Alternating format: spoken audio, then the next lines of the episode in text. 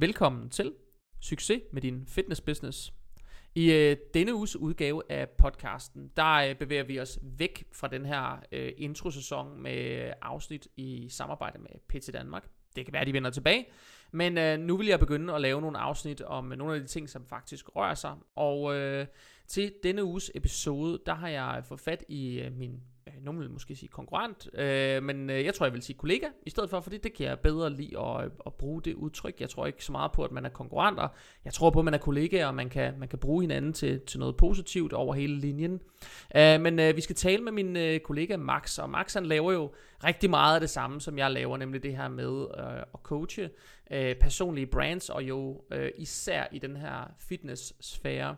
Og øh, en af de nye ting, som, øh, som er sket, øh, det er det her med, at øh, borgerforslaget om at fjerne den her kommende momspålæggelse på øh, undervisning og herunder især personlig træning, at den skulle droppes. Det har nu været i høring i øh, Folketingssalen, og øh, det er blevet afvist. Og det betyder simpelthen, at nu kommer det her moms. Somehow, somewhere, så kommer det. Øh, så kan man jo øh, spekulere i, hvornår, men det kommer. Og øh, det, øh, jeg har inviteret Max til at tale om, det var sådan set egentlig Max, der spillede bolden op på sociale medier, og så sagde han, prøv, skal vi ikke bare optage den podcast, så tager vi hul på bylden, og så, øh, så kan det være, at folk de får et eller andet øh, positivt øh, med fra det. Det tror jeg helt sikkert, de gør. Øh, om ikke andet, så får I vores øh, bud på, vores tanker på, hvordan det måske kommer til at se ud, og også øh, hvordan I skal gribe det an, som, øh, som øh, hvad skal man sige, berørte parter. Så øh, jeg vil egentlig ikke sige så ret meget andet end øh, velkommen til dig. Max. Tak skal du have, Jakob. Det er så lidt. Uh, Max, vi har faktisk diskuteret det her med at lave podcast i et stykke tid, um, og så er vi aldrig rigtig kommet videre. Um, og uh, vi arbejder jo lidt med den samme type klienter, er mit indtryk. Du er stadig meget på fitnessfolk, uh, personlige træner, online træner og sådan, er du ikke det? Jo, det vil jeg sige er 80% af det, jeg sådan beskæftiger mig med nu. Det, det er den kundegruppe, jeg mest har imellem mine hænder. Øhm, jeg er selv uddannet coach og er meget interesseret i hele coaching-sfæren generelt, og man kan sige, coaching er jo et, et vidt begreb. Altså, i, i min verden, så handler coaching noget om, at man hjælper andre mennesker fra A til B, eller mm. hjælper dem med at opnå en eller anden form for transformation eller udvikling eller så videre. Så, så jeg hjælper coaches i al almindelighed, men øh, kvæg min egen baggrund som personlig træner og mit netværk og sådan noget, så er majoriteten af dem stadig inden for fitnesssfæren, øh, de klienter, jeg arbejder med. De sidste 20 procent, hvor kommer de fra? Og men der er nogle terapeuter og nogle andre typer af coaches, og der er nogen, der coacher i øh, madro og i vaner og i stress, og der er sådan lidt okay. forskelligt. Øh, så folk, der hjælper mennesker i al almindelighed, okay. det er den type mennesker, jeg hjælper med at få flere klienter. Ja, fordi jeg skulle lige så sige, at, at mange af dem, som jeg møder i fitnessbranchen, er jo ikke nødvendigvis i dag klassiske personlige trænere. Der ofte så mm. har vi jo flere titler på, ikke? Også så nogle er vanecoaches, nogle forsøger at kombinere det med et eller andet praktisk, fysisk element, andre laver noget, der er 100% online. Men mange har jo de her sådan lidt multifunktionelle forretninger, hvor de laver nogle fysiske elementer, og de har nogle online ting, og så har de måske nogle, nærmest også et terapeutisk øh, øh, greb på noget. Ikke? Klart. Øhm, så, så ofte så flyder det jo lidt sammen. Øhm, og hvor, hvor du jo måske er gået sådan lidt mere coachingvejen, så har jeg jo øh, også haft klienter, hvad skal man sige, sådan, i håndværk, sådan praktiske håndværksfag og sådan noget, hvor jeg egentlig sidder mere som, altså nærmest sidder mere som konsulent i virkeligheden og hjælper dem med at give dem noget sparring på, mm. øh, hvad fanden kan I gøre her for, for, for julen til at snurre lidt hurtigere, ikke også? Så. Nå jo, men altså, der er jo meget kæmpe overlap på alle mulige forskellige brancher i forhold til, ja. hvad der virker og hvad der skal til for, at man kan få en succesfuld forretning. Der er Lige jo præcis. masse fællestræk. Lige præcis. Hvad, øh, hvad er din grundlæggende sådan, øh, hvad, hvad er det du hører sådan fra dine klienter omkring det her med moms? Jeg tænker, I må næsten have diskuteret det, fordi vi har jo egentlig, har vi vidst det et halvt, nu siger jeg et halvt års tid, eller lidt mere end et ja. halvt år måske, siden sidste sommer? Ja, altså man kan sige, at øh, ideen om, at der potentielt skulle øh, komme moms på personlig træning, har jo været noget, som øh, mange har gjort sig overvejelser om i lang tid. Øh, jeg kan huske, øh, shout out, out til øh, Kasper Jespersen, fordi jeg kan huske, at han øh, som, som har et PT-studie op i Aarhus, han, han nævnte det her for mig for tre år siden, eller et eller andet, at vi skal altså være forberedt på, at det her det kan ske potentielt en dag, fordi okay. at vi er jo privilegeret i, i branchen ved, at der ikke lige er moms på den her, øh, på den her ydelse her. Mm-hmm. Øh, så, så nogen har været bevidst om, at det her det har kunnet ske i lang tid, men det er jo klart, at, at når man så begynder at høre, at det, det bliver taget op i Folketinget osv., så, videre, så begynder folk jo virkelig at, at, at, at tænke over, hvad kommer det her til at betyde for mig? Ja. Og man må jo sige, at når det sådan bliver helt ufrivilligt pålagt en, at en service lige pludselig overnight skal koste 25% yderligere, så kan jeg ja. jo godt forstå, at der er nogen, som der altså virkelig føler sig slået ud af det, af, af den ja. sådan, tanke om, at det er det, der skal til at ske nu. Og når man så også ser det i kølvandet efter, at vi har haft corona, og vi har haft energikriser og inflation osv., og, og så det her 25 procent ovenpå, at det er, en, det, er en, det, er en, det, er en, det er en branche, der er under kraftig beskydning lige nu, kan man sige. Ja. Ikke? Også, så ja, øh, svaret er selvfølgelig, har vi øh, talt meget om det i blandt mine klienter, fordi det er noget, der fylder noget hos folk. Noget af det, som jeg sådan tænker lidt ind i det, det er jo også noget af det, jeg jo kan se fra min egen forretning, fordi jeg jo stadigvæk står på gulvet en gang imellem og laver noget PT. Mm. Det synes jeg stadig er sjovt, og, og så det er sådan en ting, som jeg har ikke skudt, jeg har ikke skudt ud, af, ud, af, ud af bagdøren. Jeg har egentlig holdt lidt fast i at sige, at et par dage om ugen, det gider jeg godt. Øh, og så, så får det lov at fylde lidt. Øh, men noget af det, jeg jo kan se i min egen forretning, det er jo, at jeg har egentlig sådan split moms. Jeg betaler, øh, jeg har noget, der er moms pålagt, og noget, der er moms fritaget, og det betyder, at man egentlig har sådan et split regnskab. Altså, man får et delvist momsfradrag. Og, øh, og, og noget af det, jeg jo øh, ved fra rigtig mange i branchen, det er, at de har jo lidt den, det samme form for setup. Alle deres online services, de er momspålagte i forvejen, så der kan de mm. få et delvist momsfradrag, ikke også? Og alt det, de laver fysisk, det der, det der er så ikke moms på. Øh, men, øh, men det er der jo også på mange måder dem, som har et eller andet terapeutisk element, altså dem, som laver vanecoaching eller madro eller et eller andet. Der er jo principielt set nok også moms på. Øh, fordi det kan ikke karakteriseres som værende et undervisningsforløb, hvis det er et terapeutisk forløb. Øh, så jeg nu vil har jeg, øh, Jamen præcis, altså nu har jeg, jeg kan bare tage min, min kone som eksempel, som der arbejder med spiseforstyrrelser, og hun kommer ud af den her vanecoaching baggrund og har en masse andre uddannelser bag sig også. Men altså, hendes service, den, den type af coaching, hun laver øh, på de her spiseforstyrrelsesramte personer, jamen det har jo meget en terapeutisk karakter. Altså det minder meget om det, og, og hun, hun har jo mange psykologer, som hun deler erfaringer med osv., og psykologerne, de er altså momsfritaget, og hun er mhm. momspålagt, og man må jo bare sige, det gør jo altså en stor forskel for, ja. hvordan en forretning den skal drives, når, når, man, når der er det sådan, uh, niveauforskel i, hvordan uh, regelsættet er. Ikke? Det, det, det er der. Man kan sige, det der jo så er øh, fordelen ved, at der kommer moms på, det er jo så, at man faktisk kan begynde at få fradrag for sin, øh, hvad hedder det, momsen på sine udgifter. Øh, ja. Og jeg tror, der er mange sådan... Jeg synes, jeg har mødt mange personlige trænere, som siger, jeg har jo ikke udgifter. Hvor jeg sådan, så har du heller ikke en forretning, hvis ikke du har udgifter. Fordi øh, hvis, du, hvis du lever fuldtid af det, så må der som et minimum jo være noget husleje, der skal betales et sted, og noget... Altså, alle har jo en eller anden driftsudgift til nu siger jeg mobiltelefoni og internet, og altså alt sådan noget, som man jo egentlig almindeligvis kører ind over sin forretning, for at få den til at fungere, mm. ikke også? Øhm, så, så der er jo et eller andet momsfradrag, og det vil sige, fordi vi i forvejen betaler noget lønsum til, øh, til, til, hvad hedder det, til staten, det betaler vi jo mm. af vores overskud. Øh, og der kan man sige, så bliver det lidt øh, kamufleret, det vi har udgifter, og vi får ikke lige så stort fradrag, som vi gør, når der kommer moms på. Vi skal heller ikke betale lige så stor en afgift, det er rigtigt. Men det vi jo egentlig skal lægge oveni, og det er jo lidt det, jeg har forsøgt at slå på trummen på, det er, at det er ikke 25 procent, det er differencen mellem det, vi plejer at betale, kontra det, vi skal op og betale. Det er egentlig det, der skal lægges oven på regningen, fordi det andet er jo egentlig indregnet. Øhm. Så i forhold til, hvordan at øh, man som personlig træner og coach i almindelighed og sådan noget, skal forholde sig til det her med, at de 25% kommer ovenpå. Det har jeg masser ja. at, at, at sige om, og det, og det synes jeg, vi skal prøve at tage, tage nogle ting op omkring, nogle konkrete råd, og hvad kan man ja. gøre ved det og sådan noget. Men, men Jacob, du er mere inde i det her med, sådan med lønsum, og, og sådan de mere sådan, uh, Excel-ark-agtige detaljer ja. i, hvad er det præcis, det her det kommer til at, at, at, at betyde helt nøjagtigt, ikke også? Jo. Så kan vi ikke lige riste det op, og det tror jeg, du er den bedste til at gøre. Altså, kroner øremæssigt eller procentmæssigt, fordi jeg ved, jeg så på din Instagram-profil, du har lavet noget regneark til det og sådan noget. Altså, Prøv at lave et regneark på det, ja. Kan, kan du gøre det sådan til at forstå øh, over podcasten her, også sådan, så jeg kan forstå det faktisk? Hvad er det, der øh, pr- præcis kommer til at ske? Ja, altså det man kan sige, det er, at i dag er der jo indregnet, at man betaler, hvis man er 100, lad os sige, at man har en 100% momsfri forretning, altså man laver 0 online, alt er fysisk. Øhm, mm. Lad os sige det sådan, det er så betaler man jo en lønsum, jeg tror det er 4,12% man betaler, og det betaler man af sit overskud. Det vil sige, det er omsætning minus øh, omkostninger. Så det vil sige, hvis man har, lad os sige, man har øh, øh, 600.000 i øh, omsætning og 100.000 i omkostninger, så har man en, en årsløn på 500.000, og af de 500.000, der skal man betale en afgift på 4,12% af hele beløbet i princippet. Mm. Øhm, og det beløber sig så til et eller andet. Og det man kan sige, der vil være forskellen, det er, når der så kommer moms på, jamen så skal man egentlig til at beregne, hvad vil forskellen være, hvis den omsætning, jeg normalt har, den var moms pålagt, og jeg samtidig kunne få et moms fradrag for salgsmomsen, eller købsmomsen, undskyld, på, ja. på de ud, øh, omkostninger, jeg har. Fordi det er jo øh, de facto sådan, at, at dem, som øh, i dag betaler husleje i et fitnesscenter, lad os tage det, det er ganske den største udgift for en personlig træner, det kunne være husleje i et fitnesscenter, mm. der får de ikke fradrag for momsen. Der er stadig Nej. moms på, for der skal jo opkræves moms på huslejen, de får bare ikke et fradrag. Hvis mm-hmm. de for eksempel øh, hyrer dig eller mig til at sidde og lave noget business coaching for dem, så får de ikke fradrag mm-hmm. for den moms, de betaler hver måned. Og det kunne godt være Nix. et eller andet klækkeligt beløb, men det får de ikke.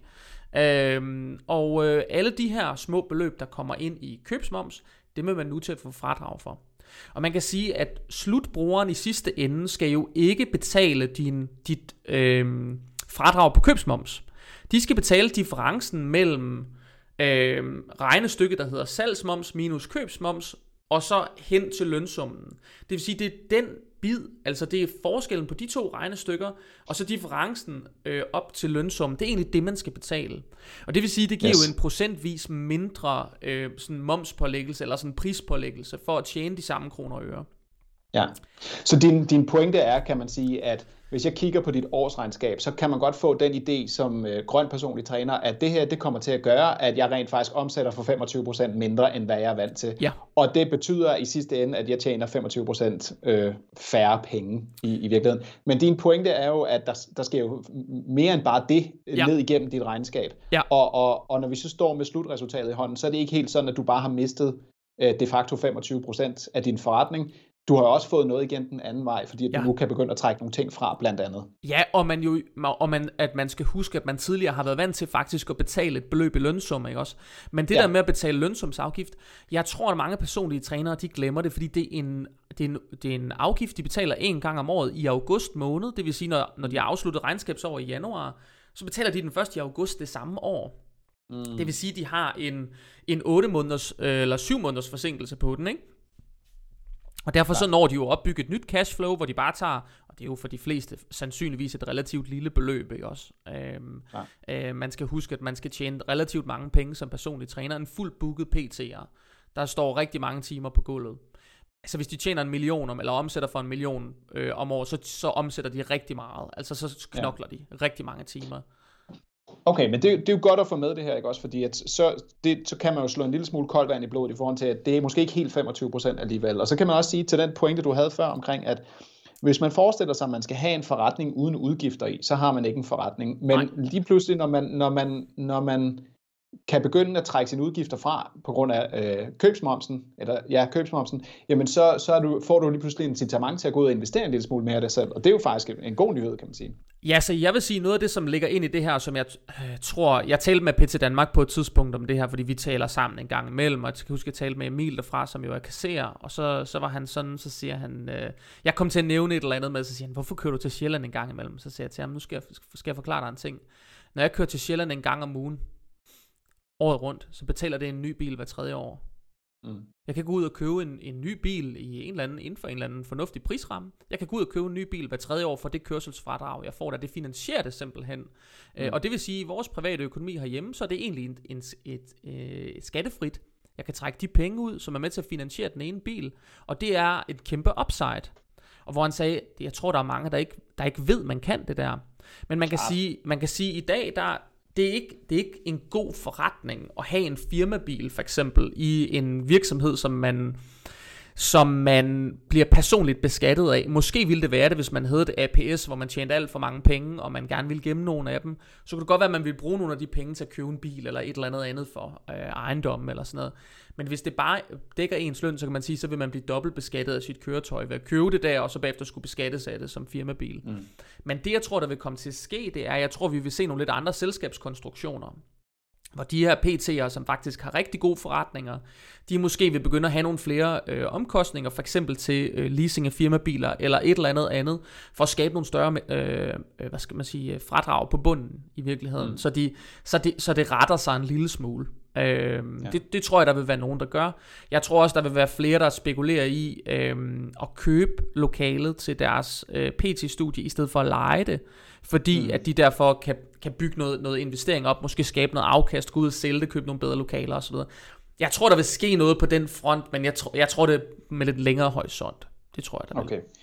Okay, så man kan sige, takeaway på den her del vil jo være, at øh, det kommer også til at give nogle muligheder, der gør, at det hele ikke ser så sort ud alligevel, kan man sige. Ja, det tænker jeg. jeg, jeg altså for mig at se, så den, øh, den der med, at folk er meget bekymrede, jeg tror, at dem, som er mest bekymrede, det er dem, som i forvejen kæmper mest for at tjene penge. Yes, og dem, dem er jeg glad for, at du nævner, fordi at, jeg tror jo også, at, at det er en god pointe, at hvis man allerede er presset i forvejen, og man så får den her besked oven i hatten, jamen det, så gør den jo først rigtigt ondt. Ikke også? Ja. Altså, så, så det er jo måske også der, hvor vi skal se, om vi kan komme med en håndsudrækning til folk i dag, tænker jeg. Enig. Øh, jeg havde, jeg havde en, øh, en pointe omkring det her, altså som jeg har talt med mine klienter om, i forhold mhm. til, hvis man allerede kæmper i forvejen. Jeg kan huske, da jeg, øh, altså fordi det, det, som jeg tror, der bliver vigtigt, når vi skal til at forholde os til den her nye virkelighed, det er også, hvordan sælger vi personlig træning i den ja. stund, at det faktisk måske går hen og bliver lidt dyrere potentielt. Altså, man, vi, skal, vi skal jo beslutte os for, vil vi æde omkostningen, eller vil vi give den videre til forbrugeren? Mm. Og i, i et eller andet omfang, jamen, så, så vil det jo være rigtig træls, hvis vi bare skal æde det hele. Ja. Altså, så, så, så hvis, hvis vi står i en situation, hvor vi potentielt er nødt til at hæve vores priser, og det er vi jo nok i forvejen en lille smule nødt til, set i lyset af, at øh, priserne i samfundet er stedet og inflation osv., så det der med at komme ud og sælge personlig træning rigtigt osv., og sådan noget, det kommer jo til at være sindssygt afgørende for, at, at, at man stadig kan lykkes efter den her nye virkelighed, som ligesom træder i kraft. Mm. Enig. Da jeg, da jeg øh, startede ud som personlig træner i, i øh, jeg, jeg, startede med, jeg startede med at gå til audition i SATS i tidernes ja. morgen, da, da, jeg, da jeg skulle starte op der. Og øh, jeg var kommet direkte fra PT-skolen, jeg har taget mit certifikat hos AdWork, og øh, jeg kommer ind til audition første dag, og jeg ved jo ikke, hvad der venter mig derinde. Og det som, det, som der går op for mig, da jeg kommer ind til SATS, det er, at de lægger utrolig stor vægt på, at man kan skabe en fantastisk oplevelse for medlemmet, der kommer ind og køber personlig træning. Ja. Det her, det skal, det skal være den vildeste træningsoplevelse, det her individ nogensinde har haft. Mm-hmm. Og det, det var jeg slet ikke blevet skolet i fra min, øh, fra min øh, PT-skole side, så, så jeg dumpede min audition. Men så lærte jeg det, og så gik jeg til audition i Fitness World, og så, gik, og så bestod jeg den audition, og startede hele min karriere i Fitness World, fordi nu havde jeg lært, når det, som de lægger væk på, det er, at man kan sælge en træningsoplevelse. Mm-hmm. Ja. Og øh, det fandt jeg så ud af, det var mantraet i Fitness World og i SATS og så videre, at når man sælger personlig træning, så sælger man en træningsoplevelse. Og, øh, og der, der er det vigtigt, at man som personlig træner kan levere en god energi osv. osv., osv. Øh, og efter at jeg er kommet igennem den her karriere nu, og jeg står på den anden side af det, og jeg hjælper mine klienter med at sælge personlig træning eller coaching, eller hvad det nu måtte være, så er det gået op for mig, hvis du sælger en enkelt træningsoplevelse, der varer en time, mm-hmm. og den skal koste 6, 7, 800 kroner plus moms, så er det alt for dyrt. Altså det er alt for dyrt, hvis du bare skal sælge en fed oplevelse to gange om ugen den, den, den holder ikke, specielt ikke når der kommer moms oven i hatten. Altså det, den, den, sådan, det mindset skal vi ud af. Mm. Det, og det, det, det tror jeg, at det her momspålæggelse kommer til at være et godt wake-up call for mange, fordi at sælge en god træningsoplevelse er ikke nok. Men hvis vi i stedet kan flytte, og fordi det kunne de ikke i SATS, og det kunne de ikke i Fitness World det her, de kunne ikke, de turde ikke at committe sig til at sælge et mål, sælge en transformation, Nej. sælge en udvikling for klienten. Og hvis man, turde, hvis man havde tur at skifte det mindset i de her store kæder her, mm. så, kan du, så kan du rent faktisk retfærdiggøre en højere pris. Og så er det ikke for dyrt længere, hvis du sælger Nej. et nyt liv til Hanne, eller et nyt liv til Bente, eller et nyt liv til Anders. Så gør det ikke så meget, at det potentielt koster 20% mere, eller 25% mere, eller hvad det nu måtte være. Hvis, hvis det er målet, der får øje, i stedet for at en, en time hos mig, hvor jeg kommer og, og tæller dine reps og giver dig god energi, den koster nu 1000 kroner. Altså det er for dyrt. Ja. Men hvis den her session er et led i en større forvandling, jeg hjælper dig med at få, så er det ikke for dyrt, at den koster 1000 kroner. Nej. Så, så altså, jeg så det der fundamentale problem, og jeg ved, at de stadig har det, de store kæder. Og jeg tænker også, at hvis man stadig kører med, ud fra det mindset i de store kæder, så må der også være nogle personlige træner, som der tænker, jeg skal sælge én session ad gangen. Ja. Og hvis du sælger én session ad gangen, så er den for dyr. Du skal sælge et mål, du skal sælge en udvikling. Ikke? Ja, Altså, jeg har jo et lidt andet take på den, men jeg tror, vi vil meget det samme, når vi vil lære folk at sælge. Mit, øh, ja. Jeg plejer at lære folk at sælge, øh, øh, hvad skal man sige, drømmeforløbet i princippet. Mm-hmm. Så det de drømmer om, det er det, der skal ud, øh, udmønte sig i et forløb. Og, øh, og jeg har sagt til rigtig mange trænere, at hvis du hvis du, hvis du pinder ud for en kunde, hvad hver enkelt time hos dig, den vil koste i kroner og øre, så vil en hver stille sig på barrikaden og sige, det er dyrt. Men mm-hmm. hvis du i stedet sælger dem en hel oplevelse, og så siger, okay, det her halve år, eller det her hele år, det koster 25.000, eller 50.000, eller et eller andet, så bliver, det, så bliver, det, bliver der langt mindre fokus på, hos modtageren, hvad den enkelte time egentlig koster, så forholder de sig lige pludselig til, okay, hvad koster det mig at komme i mål, ligesom du siger, det, det kommer til at handle om en målsætning, ikke også? Så det her med at lære at sælge hele pakken på en eller anden måde, på én gang, så man også lidt kan, nu siger man kan kamuflere det eller maskere, hvad timeprisen er, men jeg tror faktisk, det er essentielt for slutbrugeren, for at de kan træffe en rationel beslutning. Jeg tror, det er netop, at man fjerner fokus fra, hvad vil den enkelte time koste, og flytter fokus mere over på, hvad er det, jeg egentlig får. Fordi det, det, det, det er der incitamentet, det ligger for, for, for selve, selve købet. Vi vil, vi vil 100% det samme sted hen, ikke også? Altså det handler om det her med, at Branchen er plaget af, at folk de sælger klippekort. Et klippekort, ja. hvor du kom, kom, kom ned og køb tre sessioner, som om at tre sessioner skulle gøre en forskel. Ja. Ikke også? Altså fordi at så handler det om den enkelte session, jeg får sammen med dig. Og det er jo ikke det, det handler om. Det handler Nej. om forløbet, som du siger. Det handler om det halve år. Det handler om rejsen, vi skal på sammen. Det handler om den udvikling, vi skal se sammen.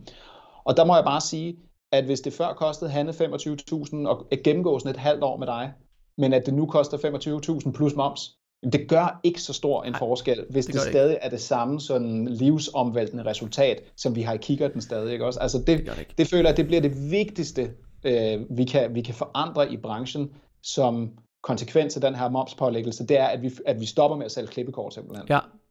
Jeg har sagt det til faktisk alle, jeg har mødt, hvad jeg har lavet det her nu, knap et par år. Og i de år, der har jeg til alle sagt, glem klippekort. Lad os finde mm-hmm. ud af, hvad du koster per time, og når du så sælger et forløb til en kunde, og du sidder og skitserer det for dig selv, og du lægger sammen, hvor tit skal vi have, lad os sige, personlig træning, og alle de her forskellige andre elementer, du har, så har du nogle priser, du regner ud efter, og så giver du mm-hmm. dem prisen på forløbet, i stedet for at give dem prisen per time. Og så glem ideen om klippekort, fordi problemet med klippekort, det er i høj grad, at, at modtageren begynder at spekulere og argumentere i, hvor er det, jeg får den billigste service, i stedet for, hvor får jeg den bedste service. Yes. Øhm, og en helt anden udfordring med klippekort, som slet ikke handler om moms, det er også, at klippekort ofte ikke bliver solgt med fast afvikling. Og når man ja. ikke har fast afvikling på en omsætning, så kan man faktisk ikke dedikere den til, til sin, øh, sin, sin dagsløn eller sit dagshonorar, før, før mm. klippene de bliver brugt. Og det betyder, at man i princippet kan ende med at have en hel masse klippekort i, i, i banken, som ikke har afvikling på, og derfor kan man ikke tage nye klienter ind, for man har brug for at få de andre til at afvikle, for ellers kan man ikke love dem eller garantere dem de timer, de har brug for. Så, så det er noget møg, altså. Det er bare noget møg, og, og i det klippekort, som du sælger til klienten, står der heller ikke skrevet, at vi ses hver tirsdag kl. 10, og det Nej. gør, at din kalender bare ligner noget værre noget. Ikke? Altså. Og lige nøjagtigt af den årsag, så lader jeg faktisk folk sjovt nok at sælge, øh, sælge PT i et fast rul. Det vil sige, mm. at det for eksempel øh, er øh, hver tirsdag i lige uger klokken et eller andet, eller mm. øh, alle tirsdage, eller tirsdag og torsdag, eller et eller andet på et givet klokkeslæt. Fordi modtageren kan lægge det i sin kalender, de kan koordinere med deres arbejdsplads, de kan gøre alle de ting, de faktisk har brug for, for netop at få det til at lykkes, i stedet for, at de hver evig eneste uge eller måned skal sidde og konferere og, og dirigere kalender, og så lykkes det ikke, som de gerne vil. Øh, Nej, men lige præcis. Ikke? Og så, altså det, jeg kunne ikke være mere enig, og jeg vil også sige, at det jeg har set fra folk, der solgte klippekort, og igen, det sker altså i meget stor stil i de største fitnesskæder, vi har i landet, de kører stadig med klippekort, ikke også? Men det, der jo sker, når man sælger et klippekort, det er, at man siger, jamen, øh, du har 12 sessioner hos mig. Og det, som der måske ikke rigtig bliver talsat så tydeligt, det er, at undervejs i de 12 sessioner, der kommer jeg til at lave programmer til dig, og jeg kommer til at måske at lave noget madguide til dig, og jeg kommer måske til at være tilgængelig på e-mail for dig, og jeg kommer måske endda til at gå og spekulere og tænke over, hvad skal der ske på vores næste træning sammen og sådan noget. Altså alle de her ting bliver sådan nærmest går sådan usagt hen og, og, ja. og bliver ikke indregnet ind som værdi i det her overordnede forløb, som vi Nej. to vi sidder og taler om nu. Og så igen, så det handler bare om, at forbrugeren stiger sig blind i, hvad står der, at klippekortet koster, men i virkeligheden så forstår forbrugeren ikke, at de får så meget mere end det, Nej. når man sælger Nej. et klippekort. Ikke? Så, så jeg tror, at vi kan blive enige om, at det er noget, djævlen har skabt. Ikke? Det er det, og faktisk noget af det sjove ved det her, det er jo, at jeg har to øh, kollegaer aktivt, som har trukket sig mm. fra Fitness World, som var nogle af de, altså de mest bookede trænere, de havde overhovedet. Og når jeg hører, hvordan det er foregået, det der med, at folk er kommet ind, har spekuleret i, når nu der er Black Friday-kampagne eller et eller andet, og så kan du komme ind og mm. købe, mm. så makser de bare ud på klippekort. Og så køber ja. de dem ind til en virkelig lav pris. Og, og det bliver så pludselig ikke måske trænerens problem, så bliver det pludselig måske kædens problem. Så i stedet for, at man i virkeligheden har skabt en eller anden form for cirkulær økonomi, hvor man, hvor man generelt kigger på, at skabe overskud per time, så, så skaber man i stedet en eller anden øh, sådan, sådan spekulativ økonomi, hvor det handler om at få folk til at tage flest mulige klip for at skabe længst mulig commitment, men man ender i virkeligheden med at få en gradvis dårligere forretning af det. Øhm, og det, det tænker jeg, jeg mange... Jo, øh, bare, bare, bare, for at, bare, bare fordi at jeg har den her inside information fra, fra hestens egen mund, så vil jeg sige, at Fitness World var plaget af præcis det, som du taler om der, i mange år. Og øh, jeg er stadig i dialog med den gode Mathias Hastrup, som sidder og styrer showet derinde med hård hånd nu, og jeg ved, at han har lagt, øh, nedlagt hård veto imod kampagner derinde, netop af den årsag, som du siger, de har ikke haft en kampagne i meget lang tid, fordi at, at han ligesom øjnede den der problematik omkring, fordi at da jeg var ansat som mentor derinde og hjalp de andre personlige træner der, vi så det, altså at, at 80% af al den omsætning, der blev genereret ja. på personlig træning, det blev lavet på kampagner en gang i kvartalet eller et eller andet, og så var der bare dead silence imellem kampagnerne, ikke også? Ja. Og det gjorde, at man ikke tjente penge på det, og, og det var en forfærdelig spekulativ økonomi, som du siger. Men, ja. men jeg ved også, at de stoppede lige nøjagtigt hos, hos Fitness World, bare så ret skal være ret. Men faktisk ironisk nok, så har jeg lige så sent som i går talt med en om det der med øh, at lave øh, konkurrencer eller rabatstrukturer. Altså, hvor vi snakkede om det der med, jeg foreslog hende at lave en early bird øh, sign-up, fordi at hun var kommet tilbage fra noget barsel, og øh, hun skulle have fyldt sin kalender op hurtigst muligt, for ligesom at få kapaciteten mm. lukket. Og så foreslog jeg hende, at du kan jo lave sådan en kampagne her, hvor du beslutter en eller anden rabat inden for, lad os sige en uge, eller 14 dage, eller et eller andet, der kan man få en eller anden rabat på x antal timer, og derudover er det normal takst. Og der var hun mm-hmm. straks på den der med, jamen jeg tror ikke på rabatter, hvor jeg må sige, det tror jeg grundlæggende heller ikke på, fordi det er et problem at give rabat. Man, man under, eller man, man, man, sige, man, man, øhm, man, man devaluerer egentlig sin egen indsats. Men det der måske, når man går ud og sælger drømmeforløbet, ja, man kommer ud, kommer ud og sælger et drømmeforløb, hvor man måske i virkeligheden, lad os sige, øh, modtageren i den anden ende, ender måske i virkeligheden med at tage for, lad os sige, 30 sessioner. Har du givet rabat på de første fem for at få lukket din kalender, så betyder det altså, at din kalender, den er, den er fyldt op til randen mm-hmm. med sessioner der, til, til normal pris, men modtageren har øjnet en mulighed for lige at komme lidt billigere ind, eller lidt hurtigere ind, eller lidt, hvad skal man sige, ikke? Og der, der kan måske godt ligge noget der, men jeg tror, det er rigtig farligt det andet der, det der med generelt at forære noget væk for billigt, fordi det betyder, at man skal knokle for hårdt i sidste ja, ende. Ikke? Helt enig, og altså man kan bare sige, at det er jo ikke så sort-hvid en sag, det der med, med rabatter og, og lave ekstraordinære tilbud og sådan noget der, fordi det er jo selvfølgelig, det er jo en knap, som man kan skrue på for at fremme sin forretning, eller for at lave nogle strategiske moves og sådan noget. Jeg tror bare, at hvis jeg, man skal sige det helt groft, så er det jo vigtigt at sige, at hvis man skal arbejde med rabatter, så skal det som regel altid være undtagelsesvis, og ja. ikke øh, det, der ligesom driver det fra måned til måned til måned, fordi at så har vi balladen, ikke også? Altså, lad os nu sige, at du har din første uge som nyudsprunget personlig træner, og nu skal du i gang og sådan noget der.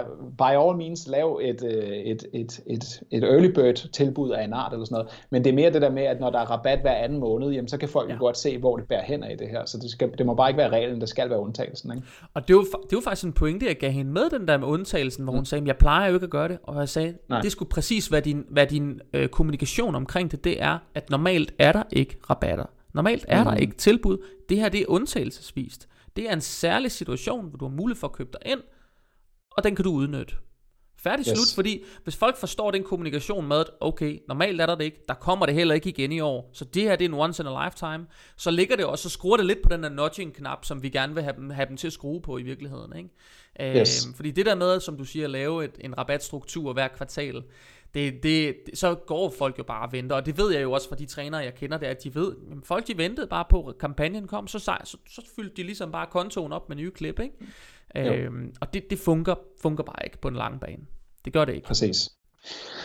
Øhm, jeg har en indrømmelse over for dig, Jacob, i forhold ja. til hele sådan, øh, hvad skal man sige, øh, opspillet til det her med momspålæggelsen, fordi at ja. jeg var utro, altså, øh, da, da der begyndte at være snak om det, og jeg kunne se, at det var ved at blive seriøst, så øh, jeg blev faktisk ret stille øh, mm-hmm. sådan i, min, øh, i min kommunikation udadtil omkring det, fordi at jeg var sgu ambivalent.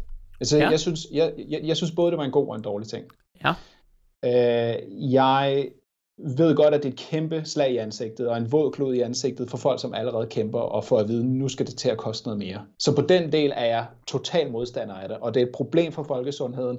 Jeg hader det. Jeg synes, det er en dårlig ting, at det skal ske. Men det er det også. Det er vi enige i. Men jeg men grund til, at jeg var ambivalent, var, at jeg følte også, at der var tid til, at der skete nogle skift i personlig trænerbranchen generelt. Mm-hmm. Altså, der var, det, var, det var lidt tid til, at der var nogle ting, der skulle revolutioneres en lille smule. Og den ene ting var det der, præcis det, der, der, jeg har to ting på det der, ikke også? Og den ene ting var præcis det, som vi to vi lige har siddet og randet om nu, at vi skal stoppe med at sælge klippekort, vi skal stoppe med at sælge enkelte sessioner, vi skal stoppe med at sælge en timepris, vi skal stoppe med at sælge et, et, et hul i vores kalender det, det var sådan den ene store ting for mig, og jeg havde det sådan, måske at det her med momsen rent faktisk kan give os det der sådan spark i røven, der gør, at vi rent faktisk stopper med det der. Altså, ja. så, så, så det var derfor, jeg var splittet omkring det, ikke også? Noget andet er også, at jeg føler personligt også, at vi har været i en tid, hvor at vi altid kun har kunne tale om, hvordan at mere en til en tid, ansigt til ansigt med den enkelte klient, er den eneste måde at skabe en forandring for dem. Ja.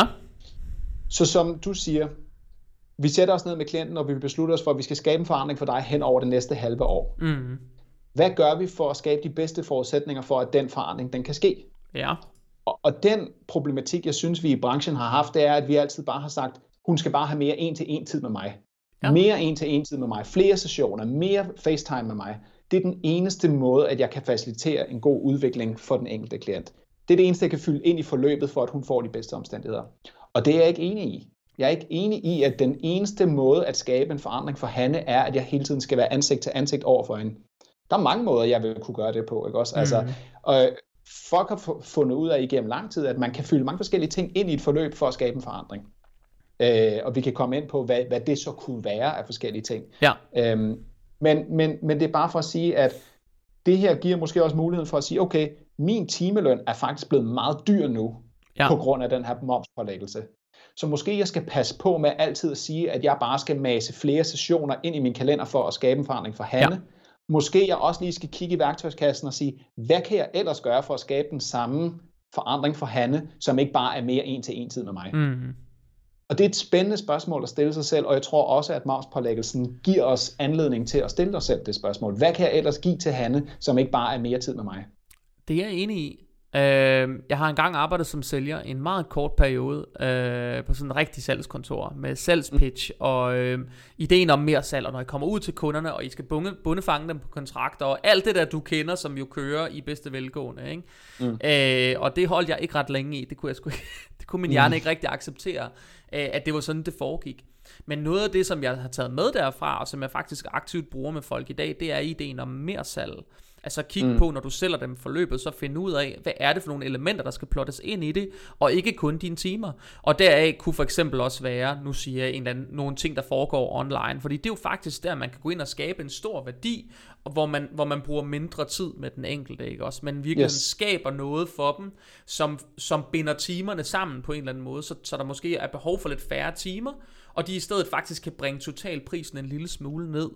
Øhm, så online ting tror jeg faktisk får en eller anden form for kommercielt comeback i præcis den her branche, hvor folk de lever af at sælge deres tid fysisk. Jeg tror ikke for online trænere i al almindelighed, men jeg tror lige nøjagtigt for folk, der sælger fysisk PT, at det her med at sælge øh, sideydelser som online coaching, lad os sige vane coaching, lad os sige noget gruppeforløb, der kører på en eller anden måde, eller et eller andet i den stil, det tror jeg, vi vil se meget mere af, og det bliver sådan en måde sådan ligesom at smoothe prisen på, så man kan bringe mængden af totalsessioner ned på, og så i virkeligheden holde sin omsætning, som man gerne vil. Det tror jeg. Lige præcis. Jamen det, det er lige præcis det, jeg også øh, vil hen til, ikke også? Altså, bare for at tage den lille dynamik imellem øh, på gulvet versus online træning. Ikke? Også, ja. vi, vi, vi har jo også været i en sjov tid, hvor man lidt identificerede sig som enten det ene eller det andet. Ja. Altså, enten er jeg på gulvet, og det er jeg stolt af, eller også er jeg og, øh, online, og det er min identitet, ikke også? Mm. Og det er jo det der med, hvorfor skal, hvorfor skal den der opdeling være så sort-hvid, eller enten eller, ikke også? Hvad med, at vi tog det bedste fra begge verdener, og så siger, okay, selvfølgelig kan online coaching et eller andet. Ja. Og selvfølgelig kan en til en et eller andet. Hvordan kan vi tage det bedste fra begge verdener og forene det ind i et forløb, sådan så at vi som sagt kan skabe den her ja. transformation, uden at det koster al min tid, ikke også? Lige præcis. Altså, øhm, som, som person, jeg kan huske fra min tid på gulvet som personlig træner, og blandt mine PT-kollegaer, der snakkede vi jo altid om det der med, okay, det kan godt være, at jeg har to sessioner med Birgit i ugen, men hvor er der mange timer i ugen, hvor at jeg ikke har nogen som helst fornemmelse af, hvad hun laver, eller om hun arbejder hen imod det mål, vi har sat, og jeg har ikke rigtig sådan styr på hende, når hun ikke er nede og træne med mig. Nej. Fordi at hun går bare derhjemme og, og, og, og er ikke i forbindelse med mig. Mm. Og der kan man sige, at online coaching er jo helt anderledes, fordi at der ligger jeg i lommen øh, på, på min klient. Ikke? Også, og der ja. føler jeg lidt mere, at jeg har sådan den der fingerspidsfornemmelse mellem, hvordan går det hos hende, når hun ikke er nede og træne. Ikke? Også? Jo. Og, og det er jo bare for at sige, at det kan nogle ting der, som, hvor man måske kunne kombinere tingene en lille ja. smule. Det er der, og jeg vil sige, noget af det, som jo er stærkest i forhold til det her med at have klienter, det, det vil sige, alle etablerede trænere, som har en god forretning, de vil kunne genkende til præcis det, jeg siger her, nemlig det her med at skabe en god relation til ens klienter. Det er den eneste afgørende faktor for, at de bliver hængende længst mulig tid. Mm. Øh, og det er klart, at hvis man, hvis man føler sig udfordret på at skulle ud hyppigt og sælge noget, så må det også nødvendigvis handle om, at de relationer, man har med sine klienter, de ikke er særlig lange og ikke er særlig bæredygtige, fordi jo længere relationer man har, jo mindre salgskrudt skal man egentlig bruge, og jo mere kan man egentlig slappe lidt af.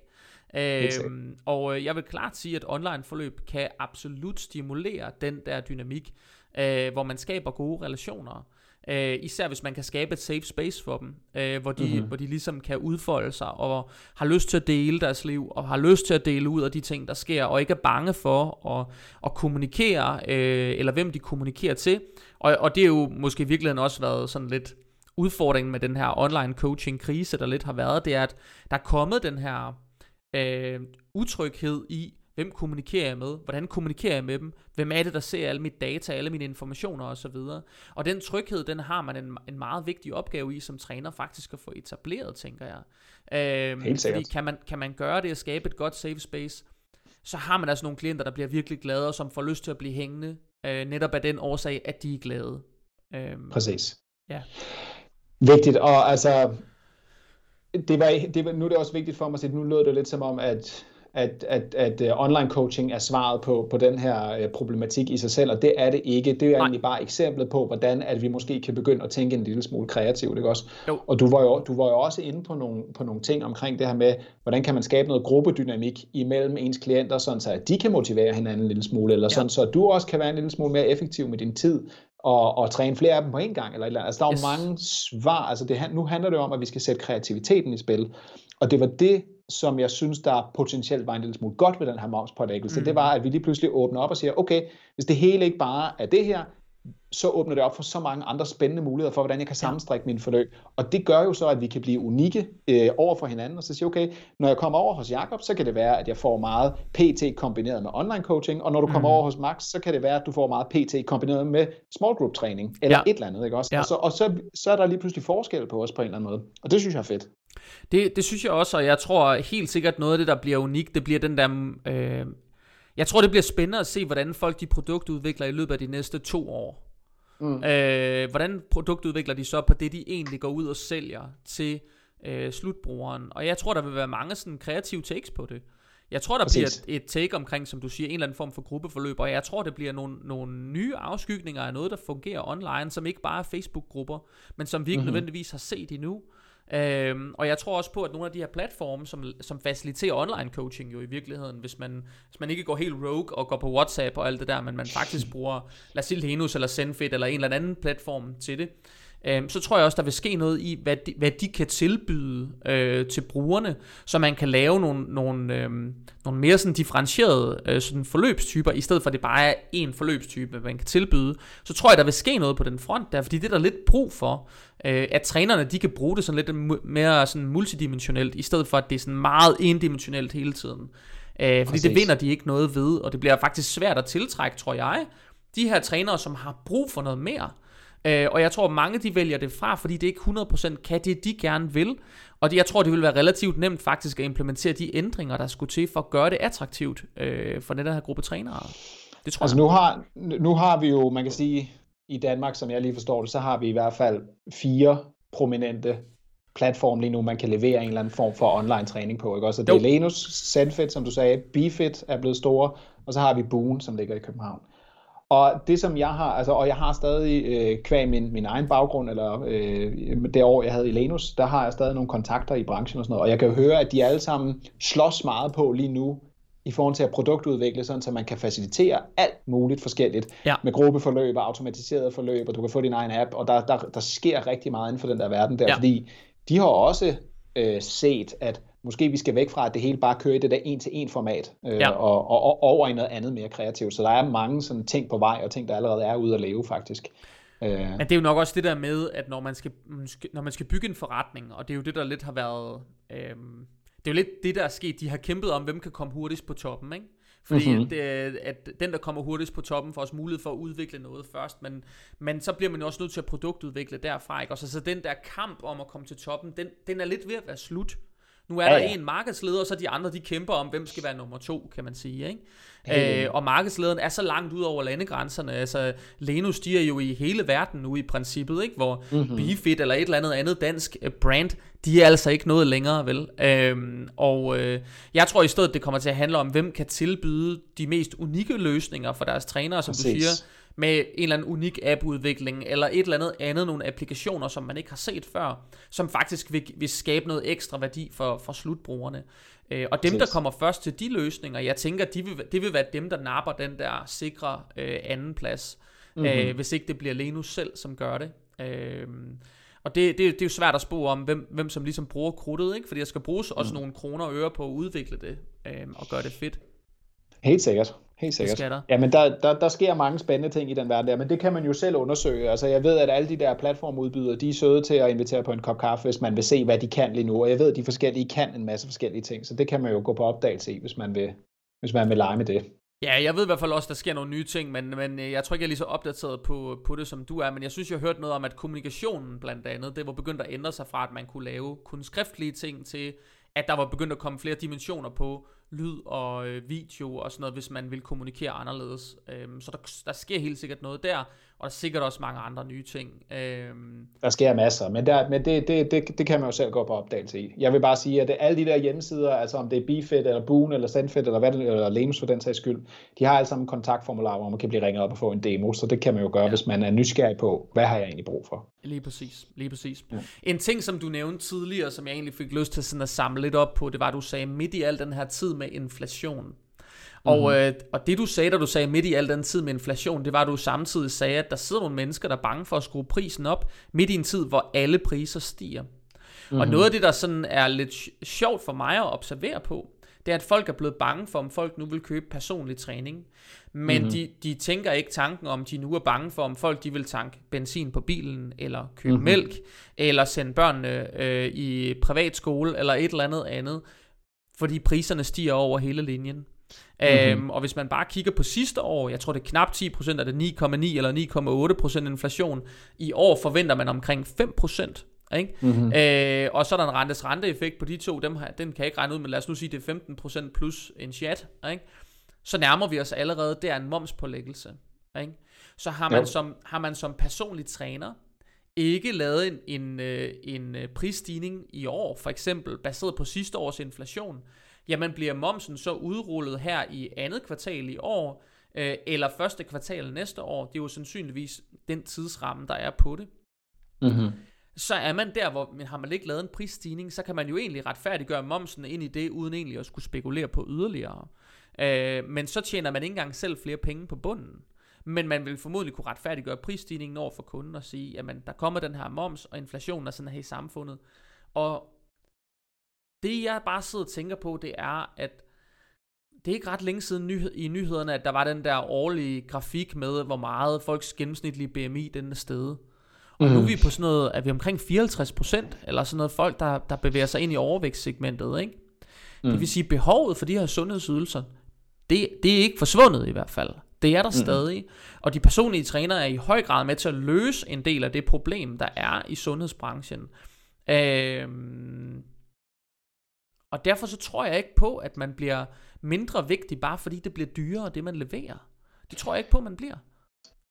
Nej, altså det har du, det har du ganske ret i. Altså, jeg ved, at jeg har fået flere øh, varslinger fra forskellige udbydere, jeg bruger til mobilabonnementer, internet og fitness world og ting og sager om, at nu stiger priserne altså på grund af tingene, der sker i samfundet. Så, så du har jo ret i, at det ligger jo i vores øh, diskurs i samfundet lige nu, at tingene stiger, og det er okay, og det kan man jo bruge som afsæt til, hvis man er klar til at, at, at hæve sine priser, og det kan man jo gøre med rette, fordi at alt andet i samfundet er blevet dyrere, ja. øh, og, og, og hvis ikke man selv skal blive fattigere automatisk, så skal man jo følge med på en eller anden måde. Det skal man. Så, så du har ret i, at det, at det er jo noget, som man vil kunne bruge som afsat til at, at, at lade priserne stige. Men der er stadig en pointe om, at når det er lige præcis er produktet personlig træning, som vi sælger, så må man også anerkende, at det i et eller andet omfang er et luksusprodukt, vi sælger. Altså ja. fordi der, der findes billigere alternativer, som der potentielt vil kunne hjælpe dig hen imod det samme mål, bare ikke lige så godt. Nej.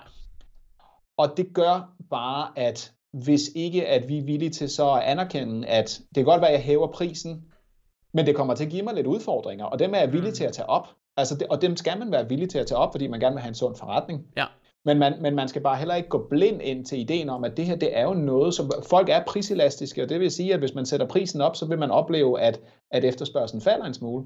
Øh, igen kan jeg, kan jeg fortælle fra, fra nogle af, af, af de folk, jeg kender i branchen og kolleger og sådan noget, at man kan se, at, at, at der er jo nogle steder, hvor at hvis ikke man er ude og arbejde aktivt for at få nye klienter ind og sådan noget, mm-hmm. så simpelthen bare på grund af, hvad der er sket i samfundet, så har vi set en faldende efterspørgsel på det her luksusprodukt, som vi ja. sælger.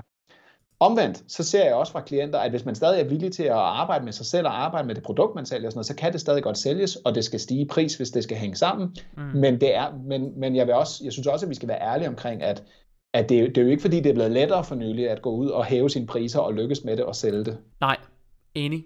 Og jeg tror klart, der ligger en pointe i, at det er nemmere at hæve prisen over for nogen, der i forvejen bruger den service, man har, end det er at hæve prisen over for en en ny kunde i princippet. Så det med, at man har en, lad os sige, når Fitness World varsler, jeg, jeg er ikke medlem af Fitness World, så jeg aner ikke, om de lige har varslet det, men, men det vil give god mening, baseret på deres sidste regnskabsår, de lige tænker på at få nogle flere penge krasset ind, ikke?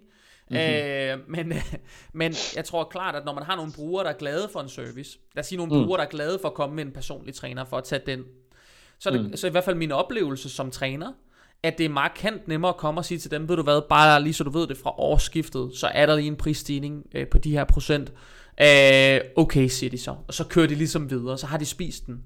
Men for nye, som ser den der startpris og tænker, så, hold, så, så, er der lige, så er der et bjerg, der skal bestiges der i forhold til at få dem overbevist om, at, mm. at det, det, det, det, får dig, det får dig i mål, og det kan du godt på en eller anden måde betale.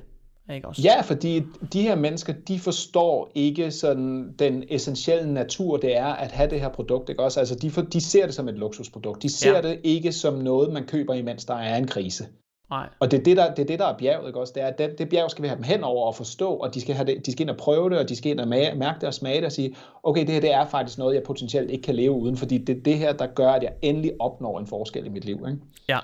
Og derfor er det essentielt, men det, men det ved de ikke, før de er gået hen over det bjerg der. Nej, og jeg tror, det er det der med at få folk onboardet, og det, det er også muligt, at der bliver en ting i at få folk onboardet på et billigere produkt, øh, før de ligesom siger, okay, jeg har brug for mere. Øh, det er jo i hvert fald noget af det, jeg har kunne se gennem årene, det er, at jeg har mange klientrelationer, hvor de startede med at lave en meget lille booking, og det er fint, når så bookingen den begynder at rende ud, eller de godt kan se, at jeg mangler faktisk noget, eller jeg får ikke helt det ud af det, de gerne vil, Mm. Så, så opgraderer de ligesom deres booking, i stedet for at sige, jeg har brug for det, jeg skulle, øh, det jeg var i tvivl om til at starte med, det har jeg altså brug for.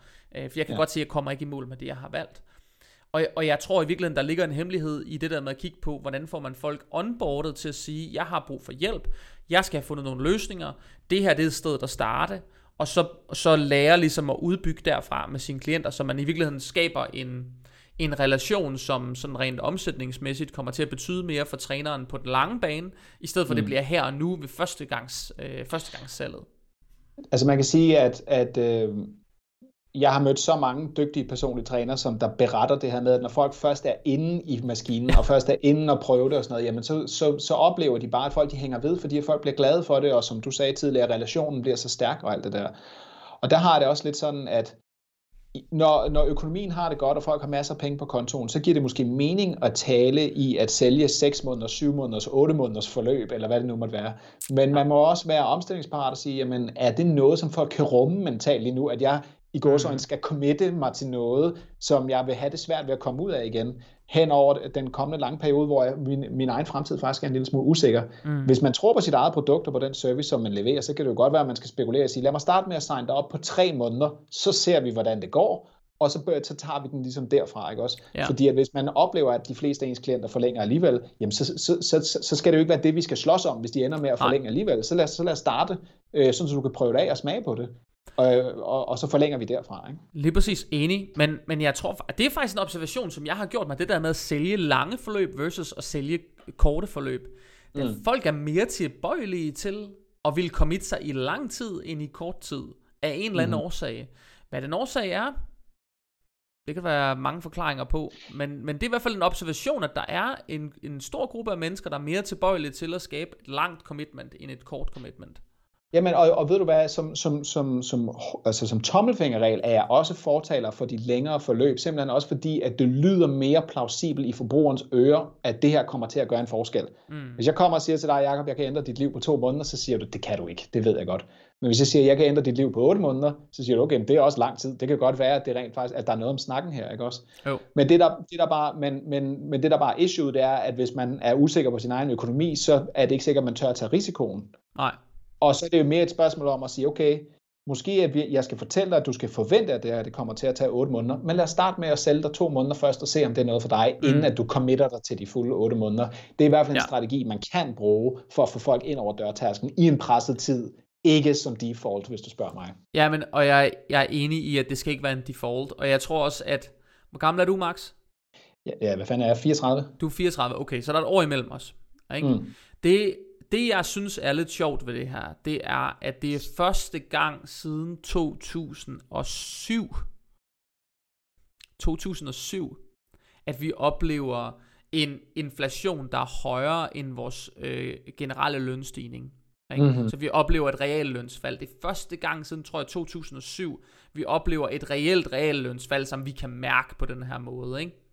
Mm. Øhm, og mange af dem, jeg møder, de er så unge i det her, at de har ikke oplevet en krise før. De har været børn sidst, der var en krise, ikke også?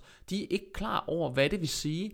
Og jeg tror, at noget af udfordringen er, det er, at folk de har været vant til at bare de sidste mange år bare få flere og flere penge mellem hænderne, hver evig eneste år. Og når der kommer nogen ligesom at gøre indhug i det, at de mm. plejer at få flere penge mellem hænderne, og de pludselig har mindre, så skal de pludselig til at prioritere, hvor meget kan jeg spare op, hvor vild en ferie kan jeg komme på, øh, hvad kan vi gøre ved huset, kan vi flytte til et bedre sted at bo, kan vi få en bedre bil at køre i og sådan noget, så bliver det måske sådan nogle lidt mere lavpraktiske ting, man skal til at tage stilling til. Og mm. ind i det, der tror jeg, at den her øh, PT-service, jeg tror lidt, det er det, der er et clash også, at som du siger, det er lidt en premiumydelse, men det er det, det er lidt en premiumydelse, men samtidig er det måske også mere et dagligdags behov, end det der med lige at få et lidt vildere sted at bo, eller lige at bygge et nyt hus igen, selvom man lige har Hele. gjort det, eller et eller andet. Altså, der har lige Hele. været en tid, hvor folk, de... Altså, jeg kan huske, lige inden finanskrisen kom sidst, der kørte folk virkelig i store biler. Hold kæft, mm-hmm. de var blevet store, de biler, folk de kom kørende i. Så kom finanskrisen, så blev bilerne små. Ikke? Mm. Og så lige så stille, så voksede de så større og større i folks carport igen. Og det kommer til at ske en gang til, det der med, at folk lige sætter tæring efter næring. Og så skruer de stille og roligt op for forbruget, når de kan mærke, at nu er der luft igen. Men jeg Klart. tror på, at det her det er sådan en ting, som hvis folk virkelig har behovet, så vil de prioritere det, men omfanget de prioriterer det i. Jeg tror, det er det, vi vil se, øh, og det tror jeg ikke, vi har set endnu, men jeg tror, vi vil se omfanget, de prioriterer det i, at det vil, have, det vil møde en eller anden form for justering. Øhm, og der tror jeg også, at, at trænerne har en, en vigtig funktion i at tænke ind, altså tænke en eller anden form for... Øhm, Altså tænk ind, når de giver tilbud i virkeligheden. Hvordan får, jeg, hvordan, hvordan får jeg i virkeligheden vundet klienten ind i at sige, det her det er en god idé? Øh, og der, der, der tror jeg, det er markant nemmere med den prisstruktur, vi har snakket om, at man, man sælger dem det hele forløb. I virkeligheden man sælger dem drømmen, eller ideen, eller hvad det nu er, man gerne vil. Så mm. er det mm. nemt derinde at gå ind og sige, okay, men hvis du kun får øh, tre gange om ugen, eller du kun får hver uge i stedet for øh, to gange om ugen, eller hvad det nu er, så bliver prisen sådan her. Så, så, så oplever modtageren en form for rabat. Du giver dem ikke rabat, du fjerner bare nogle timer fra din egen kalender, ikke også? Du, mm. Det er jo ikke at give dem rabat. Du laver bare et mindre salg, men de får ikke rabat på den måde. Mm-hmm. Men det vil modtageren opleve. Så tror jeg også, det handler om, hvordan det bliver solgt. og at man på en eller anden måde kan lægge det over, som om, at sådan her kan du spare nogle penge, men i virkeligheden så sparer du også noget tid. Det er ikke dig, der går ned i løn, når du gør det. Du skal bare lave et salg mere for at lukke den samme omsætning på, per måned, ikke?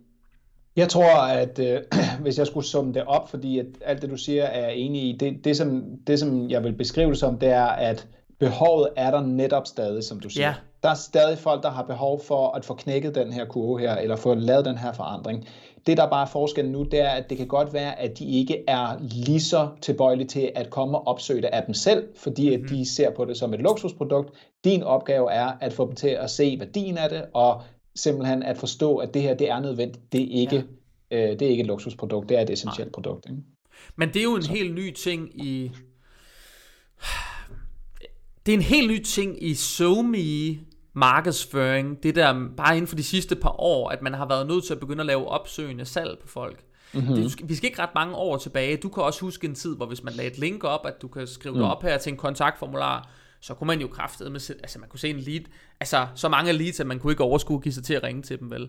Hvor mm-hmm. i dag, hvis man laver sådan en klik ind på min kontaktformular, så skal du altså have relativt stor følgerskar, før du overhovedet får nogen, der konverterer sig ind i din kontaktformular, ikke også? Øhm, så det der med at bruge nogle andre greb, men det ved jeg, det, det er noget, vi begge to også arbejder med, det er det der med at finde ud af, hvordan man, kan man række ud til folk, i stedet for få dem til at række ud til dig, ikke? Bare, bare for at, at, at forstærke den pointe, du lavede tidligere. Jeg kan huske, at, at øh, da jeg havde det der år, jeg var ansat i Lenus, og vi arbejdede med, med online coaching, der var det præcis som du sagde, ikke også? At lave et opslag på Instagram, og så kan du forvente, at der er klienter i, uh, i, i butikken dagen efter. Yes. Og, sådan noget. og det kørte som små, og hold kæft, hvor gik det godt, og hold kæft, hvor var det nemt, og du skal bare lave et call to action, bang, så er der klienter, ikke også? Jo. Og som tiden er gået, og som, som, som øh, tiden er skiftet og sådan noget, så er det ikke sådan længere. Der skal fandme trampes hårdere i pedalerne, der skal laves noget opsøgende salg, og der skal bruges nogle greb, og der skal gøres nogle ting. Og man, man stopper op og spørger sig selv om, hvad fanden er der egentlig sket? Du ved, hvad var det, der lige pludselig forandrede sig? Kom der for mange på markedet, eller er behovet forsvundet? Sådan noget? Nej, det tror jeg ikke, det er det, der er forklaringen. Men når man vender sig om og kigger tilbage, så kunne man forstå, at man var i en online coaching boble under corona. Mm-hmm. Fordi at da corona kom, så pumpede de penge ud i samfundet. Vi fik alle sammen et større rådighedsbeløb, og vi sad alle sammen derhjemme og kedede os med penge på kontoen og vidste ikke, hvad vi skulle lave. Der var en boble, der var en online coaching boble, og det vidste man ikke, imens man sad øh, og arbejdede med det, fordi at social media kørte bare, og call to actions virkede bare, men der var en boble, og den boble er vi altså ude på den anden side. Så nu er vi ja. i virkeligheden. Nu er det, det er sådan her, det er, ikke også? Og, og man kan sige, der har jo kørt en større boble inden det, som du var inde på før, siden finanskrisen omkring, at man blev ved og ved og ved med at sænke renten, og folk fik flere og flere, flere penge mellem hænderne. Det har, det har givet vind i ryggen til personlig træning.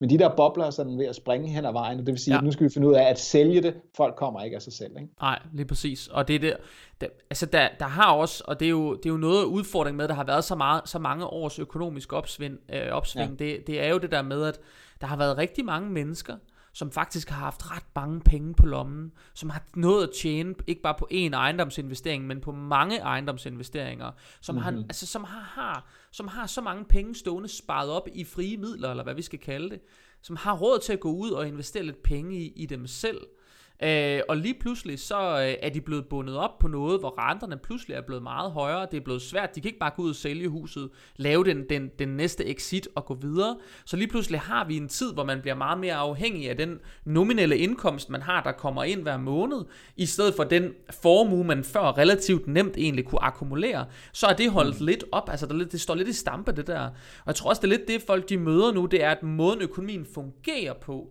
er fundamentalt anderledes end dem der, der lige havde solgt en lejlighed lidt for dyrt og lige skummet lidt. Så var det sgu lige meget, hvis man havde lidt for stort overskud. Og bruge øh, 25.000 eller 50.000 eller et eller andet på, på en personlig træner, det var lige meget. Fordi man havde så mange penge med sig videre, det betød ikke noget.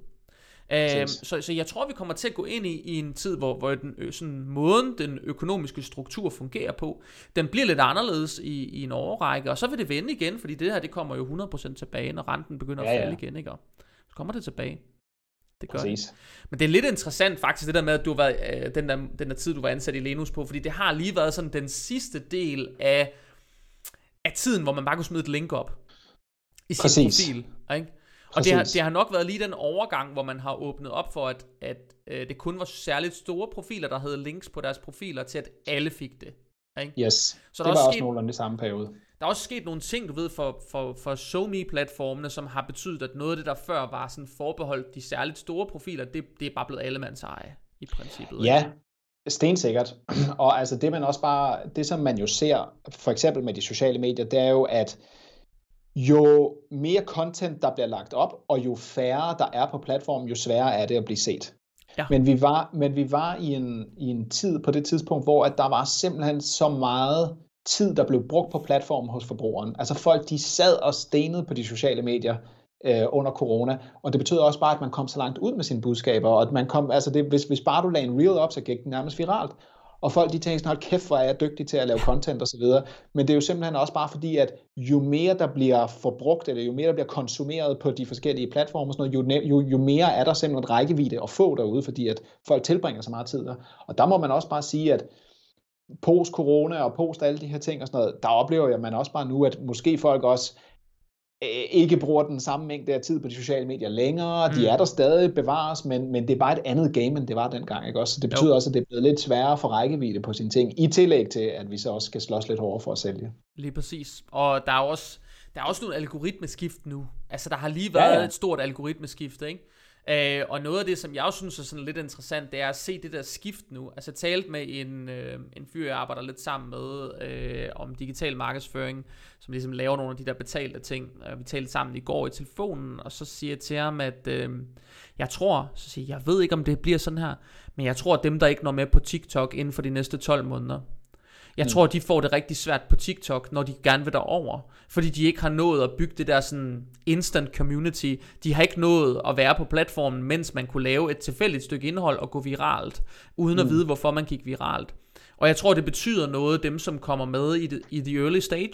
Jeg tror, det betyder noget på den lange bane. Øhm, og det er lidt det samme, vi har set på... Altså jeg kan huske dengang på Facebook, hvor man kunne have... Nu siger jeg 200 følgere, og så få 500 likes på et opslag. Det kan jeg huske, mm. ikke?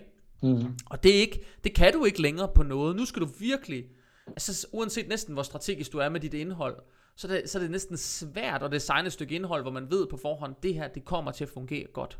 Helt klart. Øh, selv uanset hvor velmenende man er, så, så er der bare noget, der flopper nogle gange, hvor man tænker, hvorfor, hvorfor virkede det her ikke? Altså, mm-hmm. nu, det giver ja. ikke mening for mig, vel? Men det kan man på TikTok. Og det kan man faktisk også på LinkedIn nu, ikke? Stadigvæk lidt. Ja, men det er, det er sjovt, fordi at, at det der, det flytter sig jo hele tiden, ikke? Også som du selv siger, at det hele startede med Facebook, og man følte, man kunne gå viralt der, og så har Instagram haft en stor tid, og YouTube har haft sin periode også og sådan noget. Altså, og vi har været i, i nogle måneder nu, hvor at hvis man gerne vil have stor rækkevidde, så skulle man sørge for at være på TikTok. Jeg vil så også sige, at jeg begynder at se, at det er ikke så let, som det har været. Altså tingene dør ud stille og roligt, mm. også? Men, men, men det er stadig væsentligt lettere for rækkevidde på sine ting, af min oplevelse på TikTok, ja. end det er på, på Instagram og så videre. Og som du siger også, sjovt nok, lige nu, så synes jeg på alle de marketing podcasts, jeg hører sådan noget. Jeg hører alle tale om LinkedIn lige nu, og det er jo også interessant, men det er jo kun et spørgsmål om, tror jeg, at på LinkedIn har vi en platform, hvor der ikke er så mange content creators, men der er mm. mange forbrugere. Og det ja. betyder, at når du lægger, lægger et opslag op, så er der bedre chancer for, at det bliver vist af nogle mennesker. Ja. Og på et eller andet tidspunkt, så kommer alle content creators over på LinkedIn, og så dør den der effekt igen, ikke også? Jo. Og, og som, som din ven var inde på, eller som du også sagde, du ved, så skal man, man skal være med imens, at, at, at lejen er sjov på en eller anden ja. måde. Ikke? Men man må også bare sige, at nu har det der mønster gentaget sig selv så mange gange, at hver gang der kommer en ny platform, som bliver populær, de der first movers, der kommer over på platformen, de får simpelthen bare en fordel af at være ja. med i de early stages på en eller anden måde. Det gør de. Og jeg, op, jeg oplever det som om, at, at der faktisk også snart skal komme en ny platform. Altså jeg føler, at vi alle sammen er ved at gå lidt kolde i Instagram, og vi er ved at gå ja. lidt kolde i TikTok og sådan noget. Hvad er det næste? Det ved jeg ikke, men når det næste kommer, så skal man altså være klar på bajonetterne der, ikke? Fordi at... Men det, det er jeg enig i, og noget af det, jeg jo er lidt, altså lidt nysgerrig på, det er al den der røg, som TikTok lige nu får. Lige nu, ja, det TikTok ja. er meget flagt. Ikke? Om det er fordi ja. det er fra Kina, eller det er alle de her overvågningsmekanismer, der ligger inde i TikTok, som man, man, man skal nok ikke begynde at købe, åbne et købslink inde i TikTok, Nej. som jeg lige forstår det. Men, øh, men der, der er nogle mekanismer omkring det der, og hvis det bliver flagt lige så hårdt som Zoom for eksempel blev under corona, det kan du garanteret huske, at alle brugte Zoom. Det var super nemt at bruge venligt. Det bruger vi bare ind på arbejdspladsen. Så fandt de ud af, øh, det er ikke super sikkert, det der Zoom. Det skal I lige holde jer fra. Og, så, ja. og så, så døde det fuldstændig, og så brugte alle pludselig Teams i stedet for, ikke? Mm-hmm. Øh, selvom det egentlig var mere besværligt, måske i virkeligheden, at få, få Teams til at fungere, men så var det egentlig det, der lidt, det, det der lidt endte med, ikke? Øh, og spørgsmålet er, om det samme kommer til at ske med TikTok, eller mekanismerne omkring TikTok er så stærke, at, at folk holder fast i det alligevel, til trods for det, det, det er usikkert. Det er jo sådan noget, som også er lidt spændende at kigge på, ikke? Det er meget spændende, men altså jeg tror, at, at pointen er, at, at, at man skal skulle være omstillingsparat på det der, ikke også? Fordi ja. at hvis du misser bussen, så misser du den. Det gør man. Nu snakkede vi jo egentlig om moms indledningsvis, og nu sidder vi ja. og taler om, øh, om social medieplatform og spår om fremtiden og sådan noget. Men hvis, hvis, hvis vi skal zoome, zoome lidt ind på det her med momsen igen, og som ja. prøve sådan afslutningsvis at pinde nogle ting frem, som, øh, som vil være de afgørende øh, for, at man kommer godt igennem den, øh, mm-hmm. den del. Fordi det vil jo være en fase. Lidt ligesom så meget andet. Der vil være en eller anden øh, akklimatiseringsfase, hvor folk skal vendes til, det her det er en dyrere service, så har de en kamel, de skal gå hjem og sluge, og når de så kommer øh, tilbage et år eller to senere, så har de fundet ud af, at den er stadig, det, det koster det altså stadig det der, så nu, jeg, mm. nu, må, nu må jeg æde den kamel, ikke? Så mm-hmm. øh, hvad, hvad vil du, hvad, hvis du skulle pinde nogle ting frem for lytterne, hvor de vil sige, okay, det der, det er måske nogle af de ting, der er værd at være opmærksomme på. Hvad vil du så egentlig sige, øh, var de vigtigste altså, Spørger du mig om sådan, hvad er sådan, øh, hvad skal man sige, øh, opsummering af det, som vi to vi har snakket ja, om? Altså også, ja, og hvis der er en eller anden særlig pointe, som vi ikke har fået med, men det der med, hvad er det væsentligste for trænere, som står lige nu og er bekymrede for deres forretning? Hvad er det måske det væsentligste at øh, fokusere på? Ja, altså jeg tror egentlig, at jeg vil, jeg vil gerne øh, så summe lidt op på, hvad vi har sagt, fordi vi har sagt så mange gode ting indtil nu, og, og jeg tror, at hvis man kan sige det sådan lidt kort og konkret, så er det sådan et, et nemt takeaway at huske fra det her, ikke også? Altså, jeg, jeg tror, jeg, vil, jeg, jeg synes, der er tre ting, man skal være opmærksom på efter det her. For det første, du får muligheden for at kunne trække nogle ting fra nu i mm-hmm. moms. Hvad vil du købe? Hvad vil du investere i? Fordi, fordi den mulighed har du nu, den havde du ikke før. Ja. Det er jo super. Det kan være, at man skal hyre sådan en som dig, Jacob, eller sådan en som mig. Det er jo super. Eller noget helt andet. Det kan være, at du skal have hyret en grafiker, eller nogen til at lave dit social media content. I don't know. Men den ene ting er, du kan nu trække ting fra i moms, når det her det træder i kraft. Det er super. Tillykke med det. Takeaway nummer to for det, som vi har snakket om, det er, stop med at sælge klippekort og sessioner. Start med at sælge resultater og forløb i stedet for. Og den tredje ting er, når du skal levere din forløb, spørg dig selv, hvordan at du kan facilitere den udvikling for klienten, uden at det hele tiden behøver at koste din en-til-en tid. Enig. Det er jeg altså, faktisk altså, hvis, meget hvis man, enig Hvis man, hvis man ligesom kan sige, okay, det er, de, det er de tre ting, jeg responderer med på den her ting, der er kommet udefra, som jeg ikke havde kontrol, kontrol over overhovedet. Ja. Hvad har jeg kontrol over? Jeg har kontrol over de tre ting, som vi to, to vi har siddet og snakket om i dag.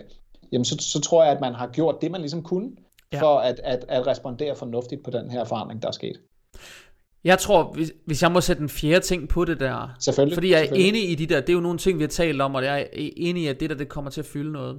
En ting, som, som jeg tænker meget over, når jeg møder de her virksomheder, jeg plejer altid, når jeg starter en ny øh, klient op, så plejer jeg altid ligesom at forsøge at skabe mig et overblik over, hvad består din forretning egentlig af? Hvor er din, øh, din, din primære omsætning? Hvor er din sekundære øh, omsætning henne? Og hvor ligger dine omkostninger henne? Er der nogle steder, vi sådan åbenlyst kan, kan skabe noget luft, så du hvad skal man sige, automatisk får en bedre forretning, uden at du skal ud og lave en hel masse smarte greb. Og jeg tror, en af de ting, som jeg vil anbefale folk at kigge lidt ind i, det er på omkostningssiden af deres regnskaber. Det er rigtig kedeligt. Men der ligger nogle forskellige omkostninger til ting, de er vant til at bruge penge på. Mm. Og der, vil, der tror jeg klart, jeg vil anbefale folk at prøve at efterrationalisere og sige, bruger jeg, til, bruger jeg pengene på de rigtige ting? Øh, så hvis man bruger rigtig mange annoncekroner på Facebook for eksempel, får du de leads ud af det? Får du de, de views ud af det, du gerne vil have? Eller vil du mm. måske få mere ud af, øh, lad os sige at gå ud og hyre en business coach, der sidder og hjælper dig og giver dig noget sparring? Vil du få mere ud af det?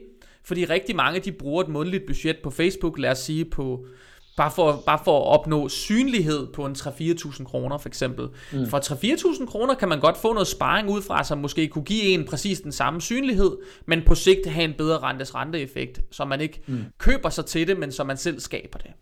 Mm. Øhm, og er der andre steder, hvor man på en eller anden måde kan justere på måden, man bruger sine penge på? Skal man bevæge sig ind på et nyt medie og investere noget i det? Øh, det kunne være, at man vil bygge en podcast, som er blevet mega stort, det ved du selv, men det er jo blevet en mm. kæmpe nyt medie, ikke også? Øh, eller man vil til at bygge noget, noget YouTube-content eller et eller andet andet, jamen skal det så stå i stedet for de penge, man bruger på annoncer eller et eller andet? Øh, fordi der kan man, hvis man laver det shift, så bliver det ikke nødvendigvis dyrere, men det kunne godt være med til at fremtidssikre ens, øh, hvad skal man sige, ens synlighed i branchen, øh, og betyde, at man måske kom til at række ud til nogle mennesker på nogle platforme, hvor det var lidt nemmere at skabe noget synlighed, øh, og måske mm. også en mere vedvarende måde at konsumere indhold på, øh, som for eksempel podcast, der ved jeg, at når folk har lyttet til en podcast en gang, så får de vist, hver gang der kommer et nyt afsnit, og de er også ret søde til at gå ind og lytte til det næste afsnit. Helt enig. Og det, det er sådan noget, som det sker ikke på Instagram. Der, der får man ikke automatisk det næste opslag fra den, man godt kunne lide et opslag fra sidste gang. Mm. Der er det lidt mere, lidt mere tilfældigt udvalgt. Der skal man have interageret noget mere, før end at det sker automatisk. Så jeg synes, det er en, jeg synes, det er en fin pointe. Altså, så når, når der kommer udfordringer og kriser og uforudsete ting, så nogle af de ting, som man altid skal spørge sig selv om, det er selvfølgelig, bruger jeg mine penge smart? Og det ja. synes jeg er et, et, et, et godt spørgsmål at stille sig selv. Og øh, for at understrege din pointe, så vil jeg sige, at øh, jeg ved ikke, hvor mange gange jeg har set nu, at man kan bygge forretninger, som der omsætter for mange hundredtusind om måneden, uden at bruge en krone på annoncer. Så hvis man lige nu omsætter for 20, 30, 40.000 kroner om måneden eller et eller andet, og, og, og en stor del af dit overskud rent faktisk går til annoncer, så, så tror jeg til din pointe heller ikke, man bruger sine penge bedst muligt. Det tror jeg Nej, ikke på. Det tror jeg heller ikke, og det, det er jo desværre lidt det klima, jeg ser. Øh, det er, at folk ja. kommer og siger, jeg boostede lige det her opslag, eller jeg skulle mm. lige prøve det her, eller jeg skulle lige prøve det her. Og det kan godt være, at folk ikke tænker over det, men så har de brugt 500 eller 1000 kroner eller et eller andet, og det er nogle penge, som, mm. som er i en størrelsesorden, hvor det sidder så løst, men de aner ikke noget om at lave annoncer. De får ikke mm. mest muligt ud af det, og selv hvis de hyrer en til at gøre det, så bliver det så, så omkostningstungt at få det gjort godt, at annoncebudgettet, det skal være så stort, for i mm. virkeligheden at få det reach, de gerne vil have, at de kan investere de penge rigtig mange gange bedre, og opnå mm. en, en meget mere organisk øh, omsætningstilvækst. Øh, og jeg er jo fuldstændig med på den banehalvdel, at jeg mener ikke, man skal bruge penge på annoncer. Øh, øh, slet ikke, øh, hvis ikke man kan leve af sin virksomhed. Så har man altså, man har jo en rigtig vigtig ressource i sin tid, og den kan man altså bruge rigtig smart på rigtig mange måder, ikke også? Mm-hmm. Det kan man. Det Præcis, kan man. helt enig. Jamen, skal vi lade det være de, øh, de, den afsluttende bemærkning, Max? Ja, øh, jeg synes faktisk, at vi kommer omkring nogle gode ting, Jacob. Og øh, jeg tænker, at der er nogle, nogle takeaways, som, som der er værd at arbejde videre med. Altså man kan sige, i virkeligheden så er det jo nogle meget sådan store teoretiske tanker, som vi har delt. Og jeg tror, at det, som man hurtigt kan blive forfalden til nu, det er at sige, det var godt nok nogle, øh, nogle kloge ting, Max og Jacob de lige sagde der, og så sådan ikke rigtig gøre noget ved det, eller tænke ja. over det, ikke også? Altså, og jeg tror, at det, der er behov for nu, det er, at man sætter sig ned og arbejder med de her ting, og så siger, okay, hvad var det nu, de sagde? Øh, brug mine penge smartere. Og så op med notesbogen og fylde ind i notesbogen, ja. så hvad kan jeg bruge mine penge på? Eller, okay, øh, de snakker om, hvordan kan jeg levere den samme forandring hos mine klienter på mindre tid, på mindre af min tid. Hvordan kan jeg gøre det? Frem med notesbogen. Sæt dig ned og brainstorm på det, ikke? Også fordi, at det kan vi to jo ikke sidde og sige, hvad svaret er på Nej. øh, her på en podcast. Det kommer jo til at være individuelt for den enkelte forretning og sådan noget, og det er jo sådan noget, vi hjælper vores klienter med. Men det er jo noget med at komme frem, komme frem til noget konkret på baggrund af alt det, som vi to vi har siddet og snakket om og fået det gjort til sit eget. Og det, der sker ikke en fløjtende fis, som bare slukker for den her øh, podcast nu og så siger, det var, det var inspirerende, og, ja, at man så ikke tager action på noget af det, så kan det være ligegyldigt. Ikke? Så, så det, det synes jeg, at vi sådan skal, inspirere til, at det er det, man gør efterfølgende. Det er, at man rent faktisk arbejder med tingene. Ikke? Det er jeg absolut øh, enig i, og jeg tror på, at dem, som kommer bedst ud af det her, jeg sagde det også under corona lidt herhjemme, så sagde jeg, at mm. dem, der kommer til at tabe i den her tid, hvor, hvor pengene ikke nødvendigvis lige er der, øh, eller hvor pengene lige, i hvert fald kortvejt, falder ud af markedet, før folk finder ud af, hvordan de skal forbruge igen. Det er dem, som ikke kommer til at investere i udviklingen af deres virksomheder. Øh, det er mm. dem, der kommer til at tabe i markedet. Og jeg tror, det er lidt det samme kommer til at ske med det her moms, at dem, der ikke får, får investeret i en omstilling af deres, af deres virksomheder, det, det bliver dem, der kommer til at tabe på, at der kommer moms på. Fordi dem, som, dem, dem, som er hurtige til at omstille sig, det var dem, der var hurtigst til at omstille sig sidste gang også. Og mm. de, skal, de skal nok ligge forrest i flokken. Øh, det, det, det er der ikke nogen tvivl om. De er allerede gået i gang med at lave den helt store, altså det helt store forkromede overblik over, hvilken strategi søsætter vi, når, vi, når det her det sker. Øh, hvordan håndterer vi det? Øh, og jeg er allerede for eksempel selv begyndt at håndtere det i, øh, i det små. Ikke? Øh, Jeg er mm. allerede begyndt at melde ud over for folk og så videre. Hvordan kommer det her til at foregå? Hvad kommer der til praktisk at ske? I behøver ikke være bekymrede, sådan og sådan og sådan. Og jeg tror, det bliver dem, der bliver bedst til at omstille sig. Og derfor vil jeg tilslutte mig din, din pointe med det der, det er, at det kommer til at handle om, at man sætter sig ned og tør arbejde anderledes og mere kreativt med sin måde at drive sin virksomhed på. Fordi behovet for den service, man leverer, det forsvinder ikke, fordi der kommer moms på. Tværtimod, det er kun Præcis. stigende. Det er kun stigende. Præcis. Det er Præcis. det. Godt. Jamen, uh, Max, tusind, tusind tak, fordi du havde lyst til at, uh, at være med. Selvfølgelig. Hvis uh, man skal finde dig ude på det der uh, store uh, World Wide Web, hvor skal man så finde dig hen? så synes jeg, det bedste sted er at gå på Instagram og søge på max.businesscoach. Det øh, er ved at tilslutte mig, øh, og øh, så tror jeg, jeg vil sige, at øh, hvis du øh, har siddet og lyttet til det her nu, og godt kunne øh, tænke dig at lytte til mere af det, så kan du trykke på abonnere, eller følg, eller hvad man nu kan vælge på din respektive podcast tjeneste. Der kommer ikke noget hver uge. Der kommer ikke nødvendigvis noget hver måned, men der kommer noget, når jeg synes, det er relevant, eller jeg har en gæst, som jeg synes er interessant. Øh, og så håber jeg, at du vil kunne få noget værdifuldt ud af det. Og så vil jeg egentlig bare sige tusind tak, fordi I har lyttet med. Hvis I gerne vil ind og finde mig på... Øh, hvis I gerne vil ind og finde mig på øh, Instagram, så kan I finde mig som startupmentor.dk øh, ind på Instagram. Og øh, så er I mere end velkomne til at gå ind og følge med. Jeg tror, jeg deler lidt nogle af de samme ting, som Max han gør. Øh, ofte tror jeg endda med lidt forskellige viewpoints på det, men jeg tror egentlig, vi vil lidt samme sted hen med meget af det. Øh, så hop ind og følg med. Jeg er sikker på, at I, øh, I kan få noget værdifuldt ud af det begge steder. Og så lyttes vi ved igen i næste afsnit. Ha' det rigtig godt. Hej hej.